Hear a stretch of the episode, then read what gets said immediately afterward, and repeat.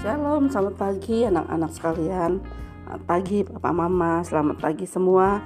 Hari ini kita kembali merenungkan firman Tuhan dari Yakobus pasal 4 Kemarin kita sudah belajar bahwa asal mula pertengkaran Kalau ada iri hati dan ada mementingkan diri sendiri Maka pasti akan ada pertengkaran. Dan hari ini eh, firman Tuhan kembali memperjelas akibat yang terjadi kalau kita iri hati. Di Yakobus pasal 4 ayat, ayat yang kedua dikatakan, kamu mengingini sesuatu, tetapi kamu tidak memperolehnya. Lalu kamu membunuh, kamu iri hati, tetapi kamu tidak mencapai tujuanmu. Lalu kamu bertengkar dan kamu berkelahi. Kamu tidak memperoleh apa-apa karena kamu tidak berdoa.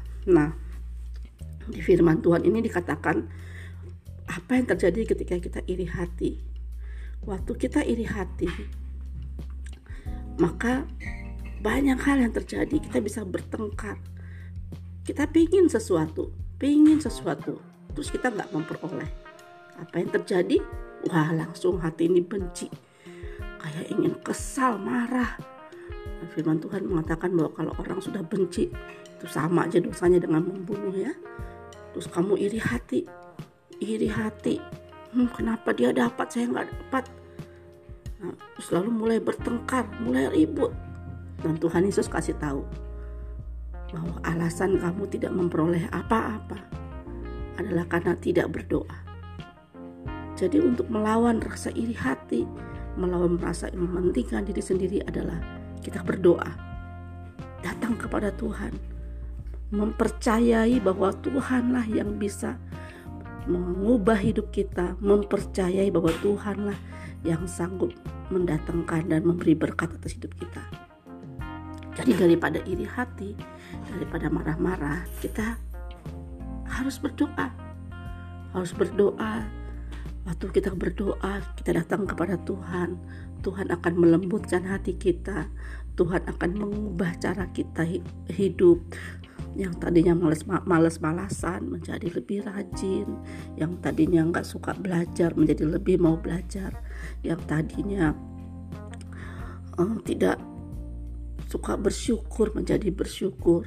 Yang tadinya iri hati iri hati menjadi lebih bisa mengerti dan mau untuk uh, apa ya uh, kalau iri hati itu anak-anak tahu nggak iri hati itu dia tuh susah kalau orang senang. Tuh senang kalau orang susah. Jadi kalau orang lain susah dia senang hori dia tertawa kalau orang lain mengalami kesusahan. Tapi kalau orang lain lagi senang dapat sesuatu dia nggak suka. Nah kita perlu belajar empati. Empati itu kita menempatkan diri kita kepada orang lain. Ketika orang lain senang kita juga bersuka cita bersama orang lain. Ya anak-anak ya jadi hari ini firman Tuhan mengingatkan betapa merusaknya uh, sifat iri hati, betapa merusaknya sifat mementingkan diri sendiri, betapa merusaknya uh, kalau suka bertengkar dan berkelahi karena kepingin sesuatu, betapa merusaknya. Dan jalan keluarnya adalah berdoa. Ya, anak-anak banyak berdoa, banyak berdoa, sering-sering berdoa berdoa itu memang bukan hanya tutup mata dan lipat tangan ya. Bukan hanya Tuhan Yesus kami mau makan. Bukan hanya itu saja. Tapi setiap kali kita berdoa itu adalah sebuah hubungan dengan Tuhan. Dalam semua yang kita kerjakan bahkan tidak tutup mata pun kita berkata kepada Tuhan itu juga sudah berdoa. Ya, selamat pagi anak-anak. Jangan lupa doakan apa yang kau inginkan hari ini. Bawa kepada Tuhan Firman Tuhan bilang, "Janganlah kamu khawatir akan hal apa pun juga, tetapi nyatakanlah kepada Allah apa yang menjadi keinginan hatimu." Nah, itu ya. Jadi kita belajar untuk menyatakan kepada Tuhan apa yang menjadi keinginan hati, keinginan hati kita.